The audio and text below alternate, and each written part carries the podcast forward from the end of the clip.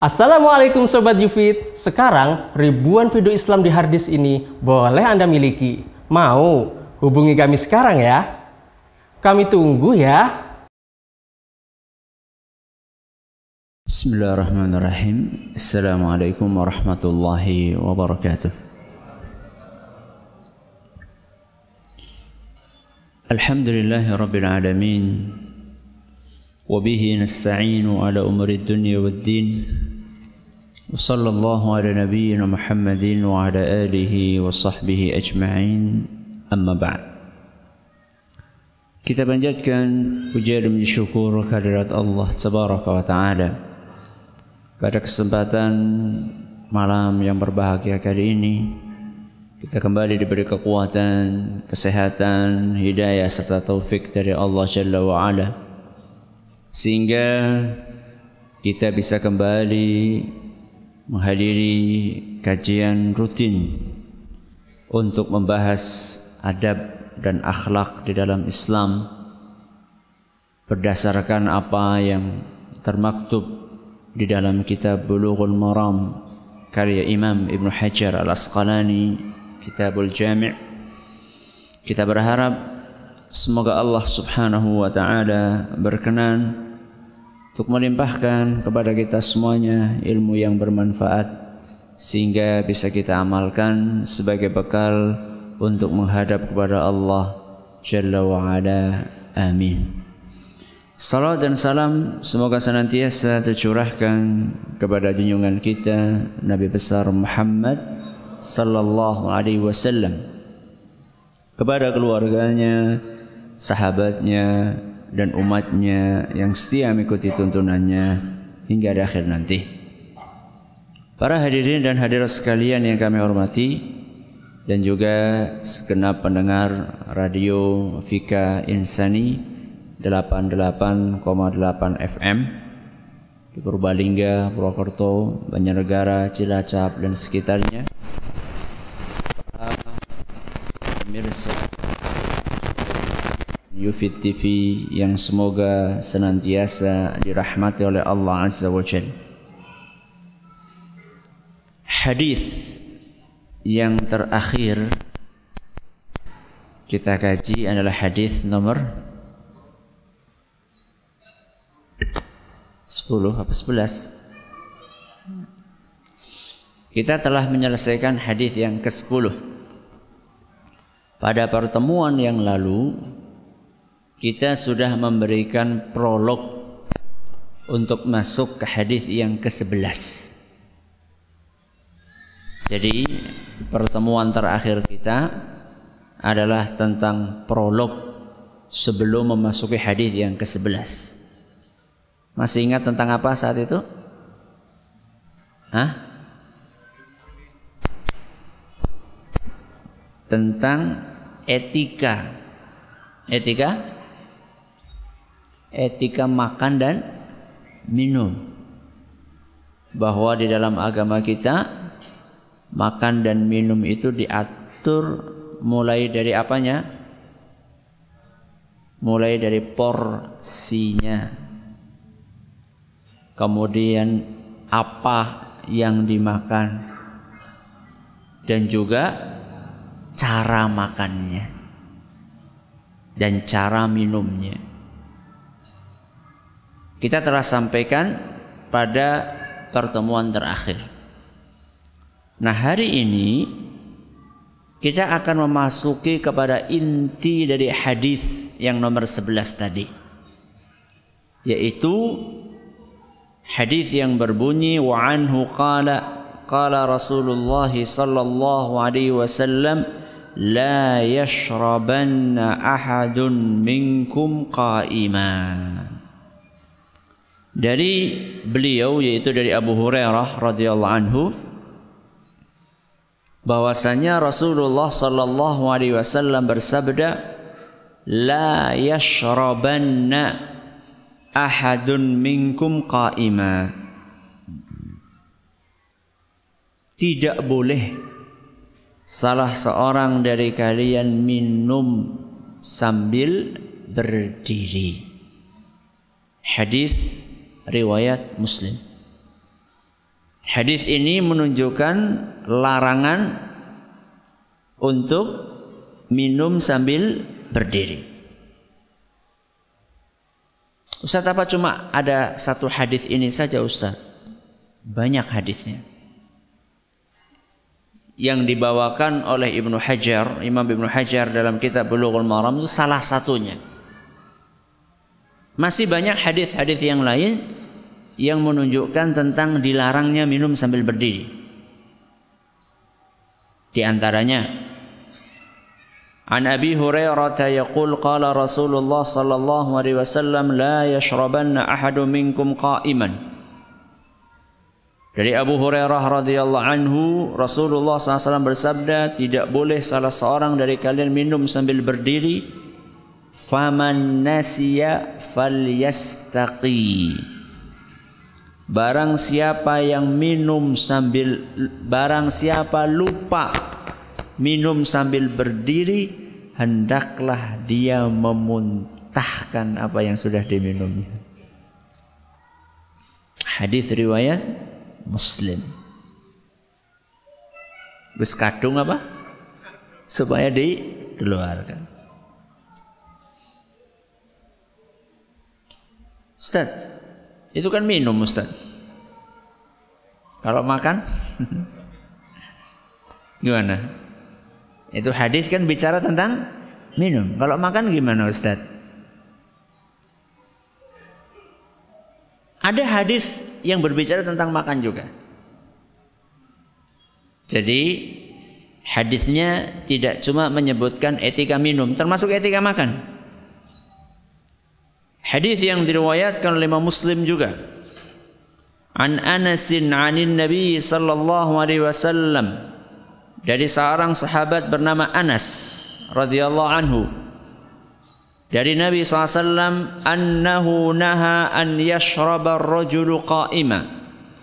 Bahwasanya Nabi sallallahu alaihi wasallam melarang seseorang untuk minum sambil berdiri Qala Qatadatu faqulna fal aklu maka seorang tabi'in yang mendengar hadis ini bertanya kepada Anas. Karena Anas ini yang langsung dengar hadis itu dari siapa? Rasul SAW. Tabiin yang bernama Qatadah yang dengar hadis ini dari Anas bertanya kepada Anas, "Fal aklu kalau makan gimana?" Artinya kalau makan sambil berdiri bagaimana? Maka Anas pun mengatakan zaka asyarru au akhbas. Perbuatan makan sambil berdiri itu lebih buruk daripada minum sambil berdiri. Lebih tidak pantas. Minum sambil berdiri aja nggak boleh. Apalagi makan sambil berdiri. Kalau kita dengarkan hadis-hadis tadi dan masih banyak hadis yang lain, ini cuma sampel saja. Masih banyak hadis yang lain yang senada. Saya cuma bawakan yang Bukhari, Muslim dan seterusnya gitu ya. Masih ada hadis-hadis yang lain yang sahih juga. Cuman tadi saya bawakan sampelnya saja. Ketika kita baca, dengar hadis-hadis tadi. Kira-kira apa yang bisa kita simpulkan? Minum sambil berdiri haram atau makruh atau boleh? haram, apa makruh, apa boleh. Dengan dengar hadis-hadis tadi, kira-kira apa kesimpulannya? Haram, makruh, apa boleh? Haram. Gak ada yang berpendapat makruh gitu? Gak ada. Tolong dimatikan dulu. Haram ya? Siapa yang mengatakan makruh angkat tangan? Gak ada. Yang bilang boleh ada nggak? Gak ada. Berarti semuanya sepakat ya kalau minum sambil berdiri hukumnya haram. Tahukah Anda bahwa mayoritas ulama apa? Mayoritas ulama berpendapat bahwa minum sambil berdiri itu hukumnya makruh. Saya nggak katakan salah. Ya. Mayoritas ulama berpendapat bahwa minum sambil berdiri hukumnya bukan haram, tapi hukumnya makruh.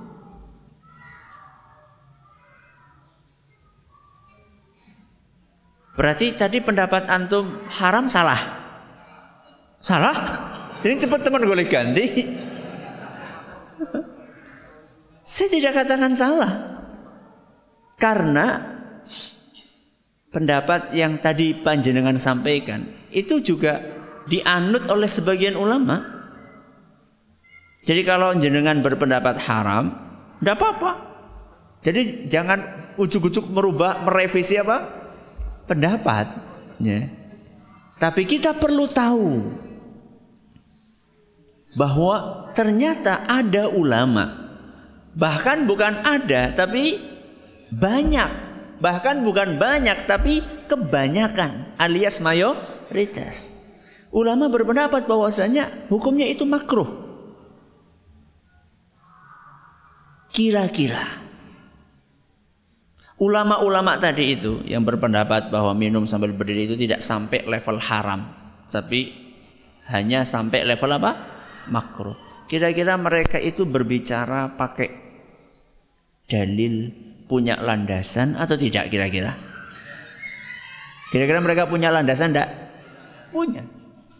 Kira-kira mereka tahu nggak hadis-hadis yang kita baca tadi? Tahu. Mereka tahu. Karena yang kita obrolkan sekarang ulama bukan ulama-ulamaan. Tapi ulama beneran. Mereka lo ulama-ulama yang uh, telah teruji. Ulama-ulama yang istilah dalam dunia pesantren ulama-ulama mu'tabar. Ulama yang dianggap keilmuannya, sudah dipercaya kejujurannya, keilmuannya. Maka tidak mungkin mereka itu berbicara tanpa dasar. Ustaz boleh tahu Ustaz dasarnya apa? Saya akan bacakan beberapa hadis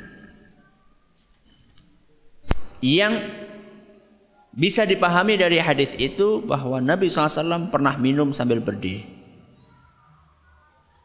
Para sahabat juga seperti itu. Contoh misalnya. An Ibni Abbas radhiyallahu anhu maqala. Dari seorang sahabat Nabi SAW namanya Ibnu Abbas. Abdullah Ibnu Abbas. radhiyallahu anhu maqala beliau berkata. Syariban Nabi sallallahu alaihi wasallam qa'iman min zamzam. bahwasannya Nabi Sallallahu Alaihi Wasallam pernah minum sambil berdiri ketika minum air zamzam. Hadis riwayat Bukhari dan Muslim. Ibnu Abbas berkata bahwa beliau pernah melihat Nabi SAW minum sambil berdiri saat minum zam-zam. Ustaz, itu kan zam-zam Ustaz. Sedangkan yang kita minum adalah air mineral biasa Ustaz. Oke. Ada hadis yang lain. Ada hadis yang yang lain. Dari Aisyah radhiyallahu anha, anna an-nabiy sallallahu alaihi wasallam dakhala 'ala imra'atin minal ansar. Pada suatu hari Nabi Shallallahu Alaihi Wasallam bertamu ke rumah salah seorang sahabiyah. Sahabiyah itu adalah sahabat putri wanita. Dari golongan Ansar wa fil baiti qirbatun muallaqatun. Dan di rumah sahabiyah tersebut ada semacam bejana isinya air tergantung di situ. Ditempelkan di di dinding.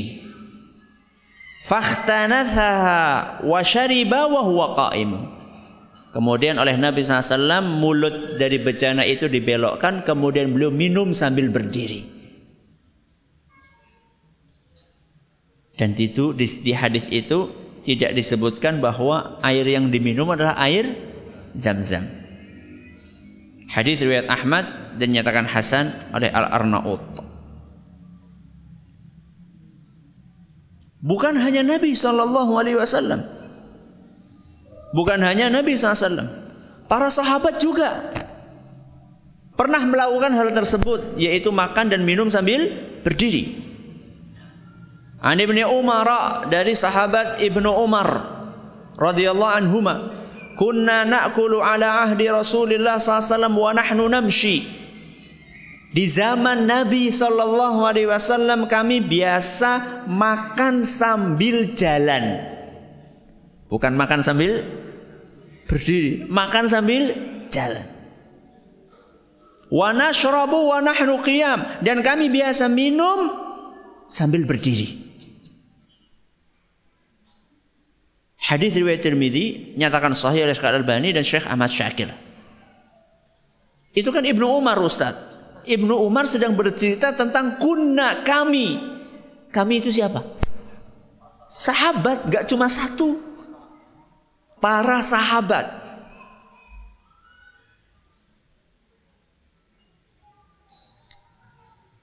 Hadis-hadis inilah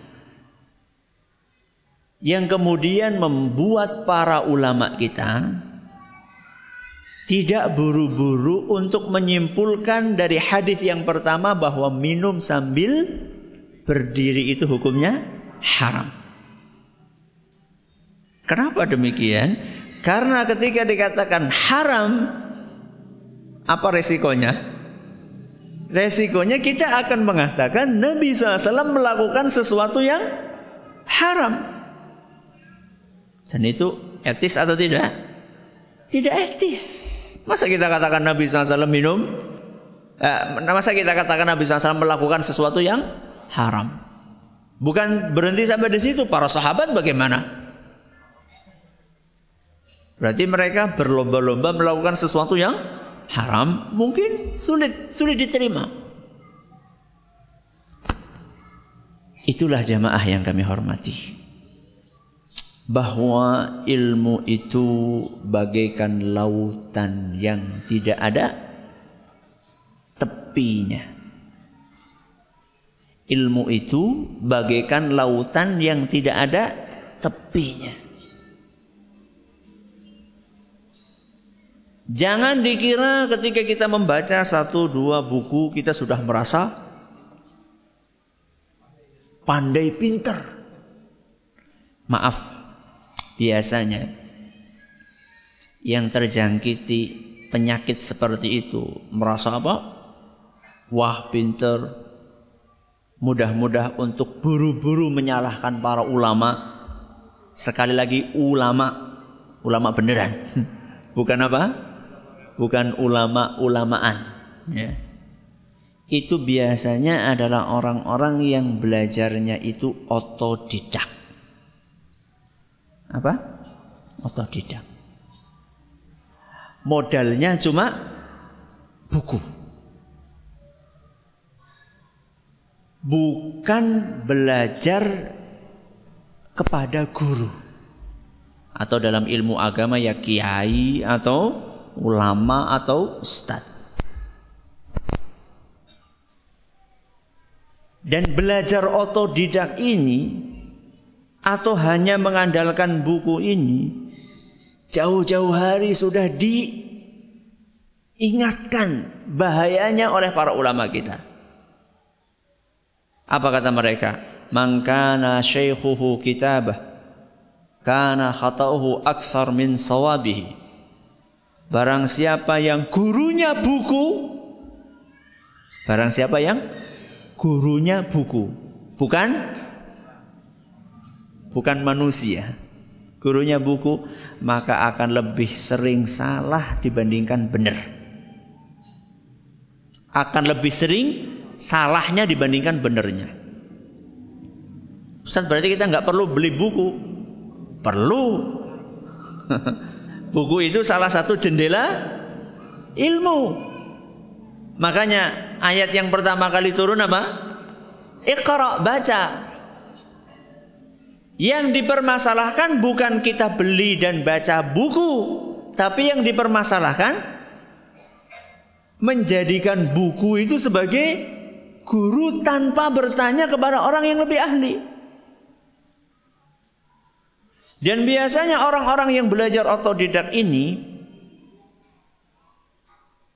cepat merasa, wah ilmu kuis akeh. Kamu nggak pernah berkunjung ke rumah saya? Saya punya buku sakrak loh. Nih buku saya nih rak serak. Dia merasa satu rak itu sudah banyak banget. Padahal kalau dia tahu ternyata ustadznya punya buku satu rumah. Bukan satu apa? Bukan satu rak.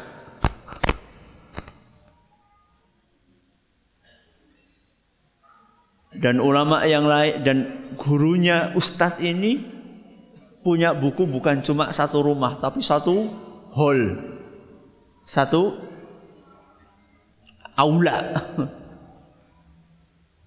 Ketika kita duduk seperti ini, kemudian mendengar keterangan, itu kita akan terus merasa, oh ternyata ilmu saya ini masih sedikit.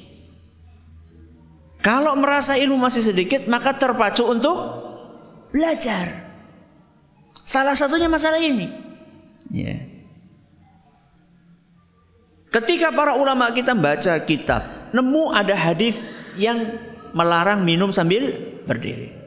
Tapi begitu baca lagi ternyata ada hadis yang menunjukkan bahwa Nabi SAW pernah minum sambil berdiri. Maka di situlah tugasnya para ulama untuk memikirkan bagaimana cara mengkompromikan antara dua hadis ini yang kelihatannya saling bertentangan kasih garis bawah cetak tebal di kata-kata kelihatannya. Tadi saya katakan dua hadis ini bertentangan. Apa dua hadis ini kelihatannya bertentangan? Kelihatannya bertentangan. Karena kalau dikatakan bertentangan tidak mungkin masa dalil sama dalil saling bertentangan. Ya. Kalau bikinan manusia bertentangan mungkin enggak? Mungkin. Undang-undang anu bertentangan dengan undang-undang anu mungkin? Mungkin karena yang bikin manusia. Aturan anu bertentangan dengan aturan anu. Mungkin, mungkin karena yang bikin manusia lah dalil dari siapa? Allah. Gak mungkin sesuatu yang dari Allah itu saling bertentangan. Maka saya katakan kelihatannya bertentangan. Padahal kalau kita dalami lebih dalam lagi, kita akan temukan sebenarnya antara dua dalil itu tidak bertentangan. Nah, tugasnya ulama itu tadi mencari jalan mengkompromikan antara dua dalil itu. Dan mereka punya cara yang beragam dalam mengkompromikan antara dalil-dalil tersebut. Ada yang memilih pendapat atau memilih metode namanya metode tarjih. Apa tarjih? Sering dengar nggak istilah tarjih? Sering. Apa coba? Himpunan tarjih. Apa tarjih? Tarjih itu ya kira-kira mengunggulkan salah satu pendapat. Memilih, oh pendapat ini lebih unggul. Ini ada ulama mengambil metode ini tarjih. Sehingga ulama yang ini mengatakan hadis-hadis yang melarang lebih unggul dibandingkan hadis yang membolehkan. Dan ada pendapat sebaliknya, enggak yang lebih unggul yang membolehkan, bukan yang melarang. Ini metode yang pertama. Metode yang kedua ada sebagian ulama memilih pendapat nasakh namanya. Apa nasakh? Nasakh itu ada penghapusan hukum. Jadi menurut mereka hadis yang melarang ini menghapuskan hukum membolehkan. Jadi awalnya pernah boleh kemudian dilarang. Dan ada pendapat sebaliknya, bukan. Justru awalnya nggak boleh terus jadi boleh. Ini metode yang kedua. Metode yang ketiga yang dianut oleh mayoritas ulama adalah metode mengkompromikan. Kalau metode yang pertama atau yang kedua, sebagian dalil nggak dipakai. Kalau metode yang ketiga ini, semua dalilnya berusaha untuk dipakai dengan cara dikompromikan. Nah, cara mengkompromikannya bagaimana? Kata Imam Nawawi, cara mengkompromikannya adalah dengan mengatakan bahwa hadis-hadis yang berisi larangan minum sambil berdiri itu menunjukkan makruh. Bukan apa? Bukan haram.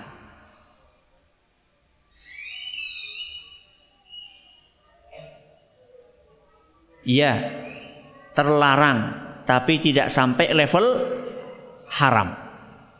Tapi levelnya sampai makruh saja.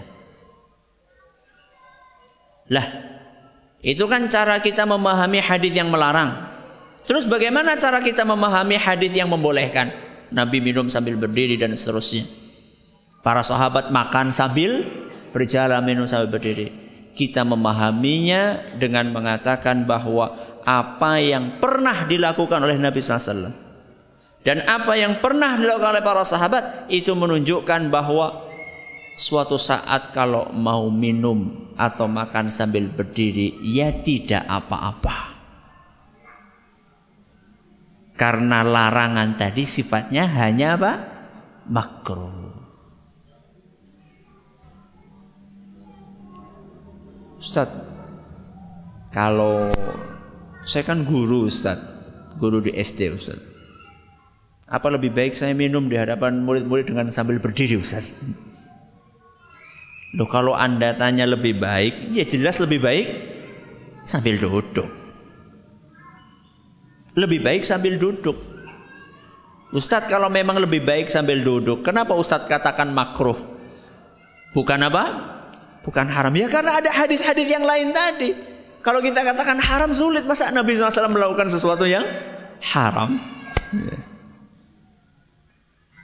Maka, wallahu alam bisawab nampaknya pendapat mayoritas ulama tadi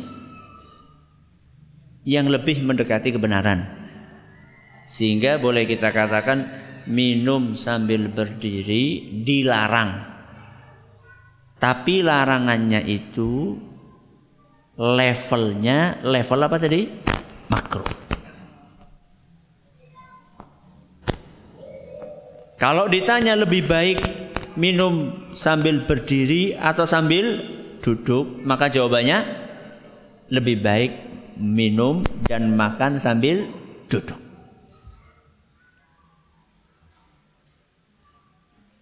Apalagi kalau kondisinya tidak memungkinkan untuk sambil duduk. Contohnya kapan? Apa? Hajatan. Nah standing party. itu bukan budaya Islam. itu bukan budaya Islam. Tapi kadang-kadang ada sebagian orang terpaksa melakukan standing party. Karena orang nanggon. Jadi bukan karena dia itu pengen ikut-ikutan budaya barat bukan, tapi karena memang tempatnya itu nggak cukup. Ya kadang-kadang kita kan hadir undangan kan ya, hadir hajatan. Memang masya Allah tuan rumahnya ini rumahnya sangat sangat sempit. Ya kayak pasar apa? Pasar senggol. sempit banget. Ya, sekedar bisa untuk naruh apa namanya prasmanan sudah alhamdulillah. Maling kursi hanya sekedar Formalitas cuma ada berapa. Sekarang kita gimana coba? Kondisinya tidak memungkinkan. Apa yang gak Arab dodok? Atau gimana coba? Maka dalam kondisi seperti itu tidak apa-apa. Makan dan minum sambil berdiri. Tapi kalau misalnya kursinya tersedia banyak, ngapain kita berdiri? Dan memang maaf nih ada sebagian orang itu terlalu silau dengan budaya budaya barat. Katanya keren katanya. katanya modern. Katanya ini lebih maju daripada sambil duduk. Kalau itu sih lain masalah itu. Ya. Pernah kadang-kadang kita diundang hajatan di sebuah gedung besar. Kursinya banyak ratusan kursinya. Masih aja ada yang makan sambil berdiri. Ya wis lah, mungkin dia menganut paham bahwa itu hukumnya makruh. ya. Jadi apa yang kami sampaikan tadi bukan dalam rangka ngajari memotivasi untuk minum dan makan sambil berdiri bukan. Maka jangan sampai nanti ada keliru pemahaman. Ngaji nengkana malah kon apa? Kon pada ngadeg guling. Siapa yang ngomong seperti itu? Tidak. Ya.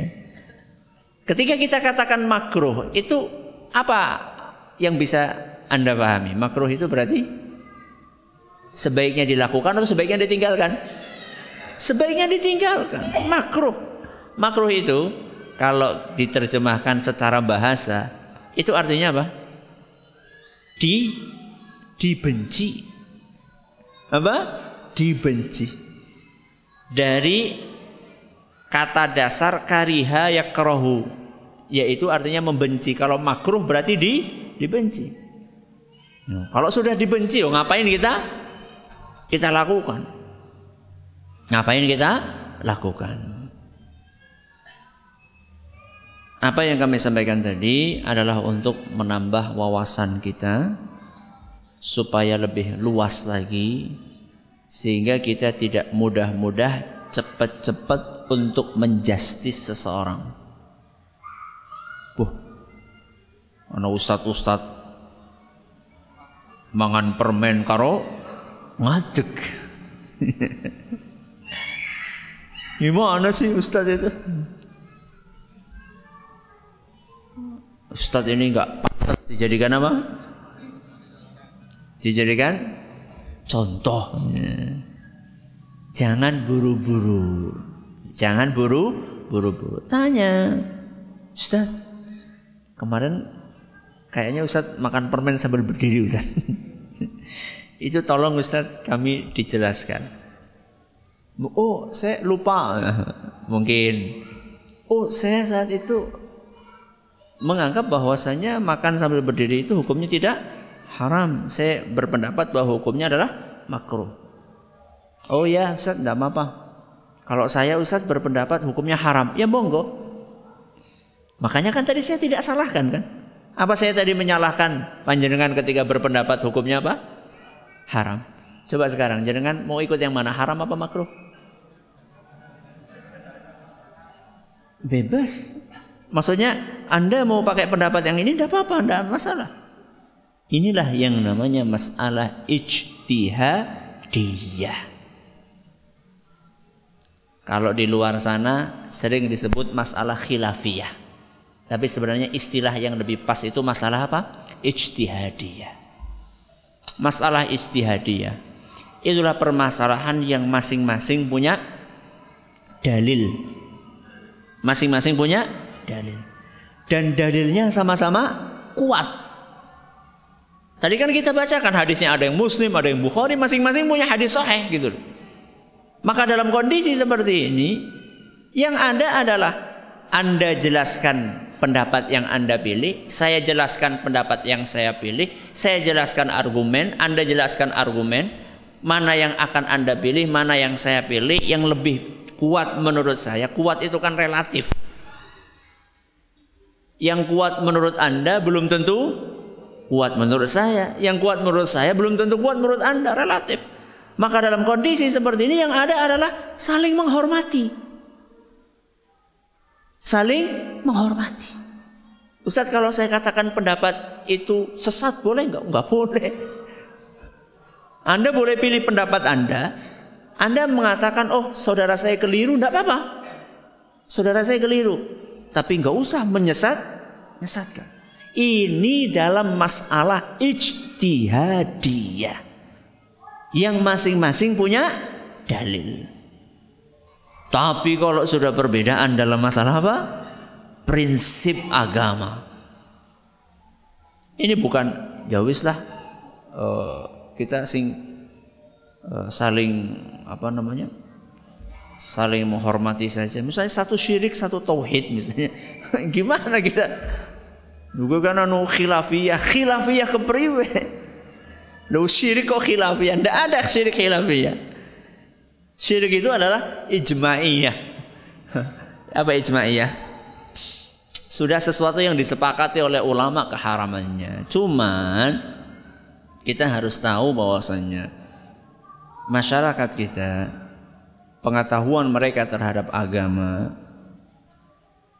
itu di banyak komunitas itu masih minim. Sehingga kadang-kadang mereka melakukan sesuatu yang sebenarnya parah. Terjerumus kepada kesyirikan. Tapi dia lakukan itu dalam keadaan tidak tahu. Mungkin? Mungkin enggak? Mungkin. Contoh yang paling gampang jimat. Apa? Jimat. Pergi ke dukun. Pergi ke dukun. Apa hukumnya? Makruh apa haram? Wah nasi makruh kok. haram hukumnya. Bahkan tidak sedikit ulama yang menegaskan itu hukumnya syirik. Bukan hanya sekedar haram, tapi haram level tinggi. Mungkin nggak ada orang melakukan itu dalam keadaan tidak tahu? Mungkin tidak? Mungkin.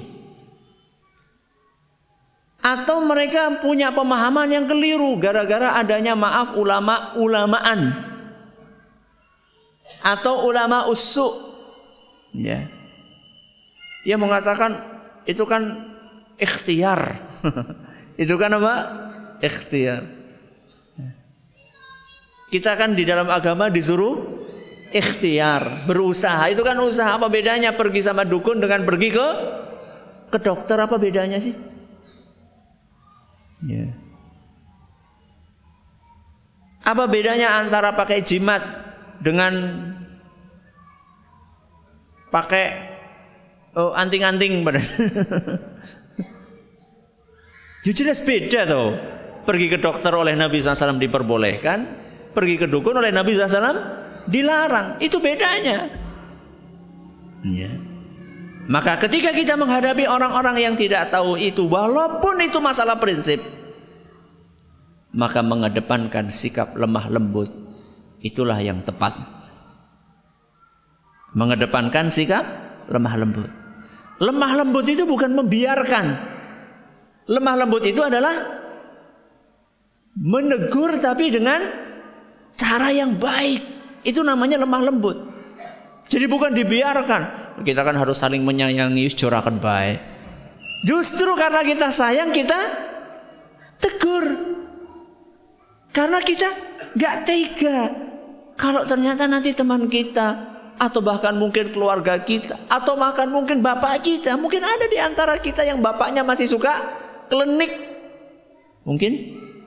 Mungkin. Karena kita sayang sama bapak kita. Kita nggak ingin nanti di akhirat kita pisah. Yang satu di surga, yang satu di neraka. Karena kita sayang, justru karena kita sayang maka kita ingatkan. tapi dengan cara yang halus. Masuk.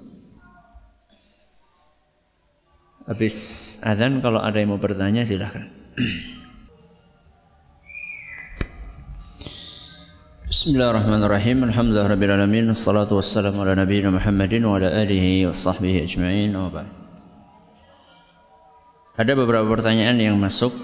Saya utamakan yang kaitannya dengan pelajaran kita. Pertanyaan yang pertama tadi dijelaskan kalau kita terlanjur minum dengan berdiri untuk dimuntahkan, apa hukumnya? Hukumnya anjuran. Hukumnya apa? anjuran. Kalau bisa. Kalau bisa. Kalau nggak bisa berarti tidak apa-apa. Kalau bisa dilakukan, kalau tidak bisa tidak apa-apa. Karena sifatnya adalah anjuran. Kenapa kita katakan itu anjuran? Karena dalam rangka untuk mengkompromikan dengan hadis-hadis yang sudah kita bawakan tadi bahwa Nabi SAW pernah minum sambil berdiri para sahabat juga demikian bukan ada disebutkan bukan hanya disebutkan dalam satu hadis tapi dalam banyak hadis. Dan saya ingin sekali lagi mengingatkan bahwa apa yang sudah terbiasa kita lakukan dengan diri kita dan anak-anak kita selama ini kita kan selalu menganjurkan anak kita untuk apa? Minum sambil duduk. Ketika kita melihat anak kita minum sambil berdiri kita ingatkan. Itu dilanjutkan jadi jangan setelah ini kita lihat anak kita misalnya berdiri apa apa makruh hikih. lanjutkan, lanjutkan. Itu kebiasaan baik. Itu kebiasaan baik. Ya, jadi jangan dirubah. Tapi yang perlu kita rubah adalah jangan kita langsung memfonis. Ya. Wah, dosa besar misalnya. Jangan. Ya. Tapi kita lakukan, kita budayakan, kita biasakan untuk minum sambil duduk itu yang terbaik. Dan memang secara kesehatan juga itu lebih lebih baik. Secara kesehatan itu lebih lebih baik. Ustaz tadi mengatakan bahwa menuntut ilmu harus ada gurunya. Pertanyaan saya bagaimana dengan kajian-kajian yang ada di YouTube?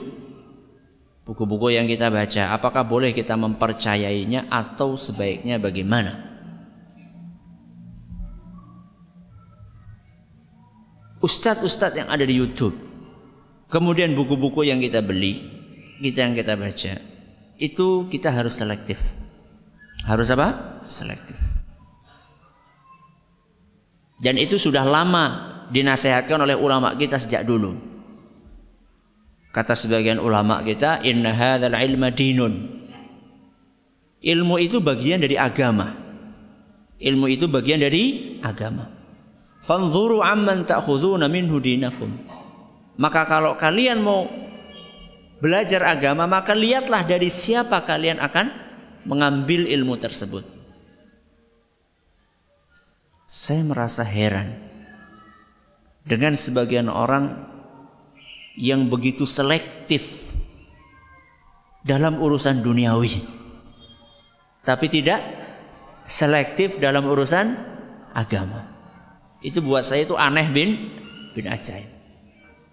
Ibu-ibu tuh loh mau beli pelembab wajah saja. Itu researchnya itu luar biasa. Ya. Jadi baca di majalah anu, buka di web anu, bandingkan antara ini dengan ini. Efek negatifnya bagaimana, efek positifnya bagaimana, ngelihat testimoni dari ini dan itu. Padahal cuma mau beli apa? Pelembab wajah. Kita juga kalau mau beli HP kan melakukan komparasi. Kira-kira mana ini yang lebih baik? Ini lebih kuat baterainya. Kalau yang ini lebih unggul RAM-nya. Kalau yang ini lebih HP dan pelembab wajah gue tiga omong kuburan.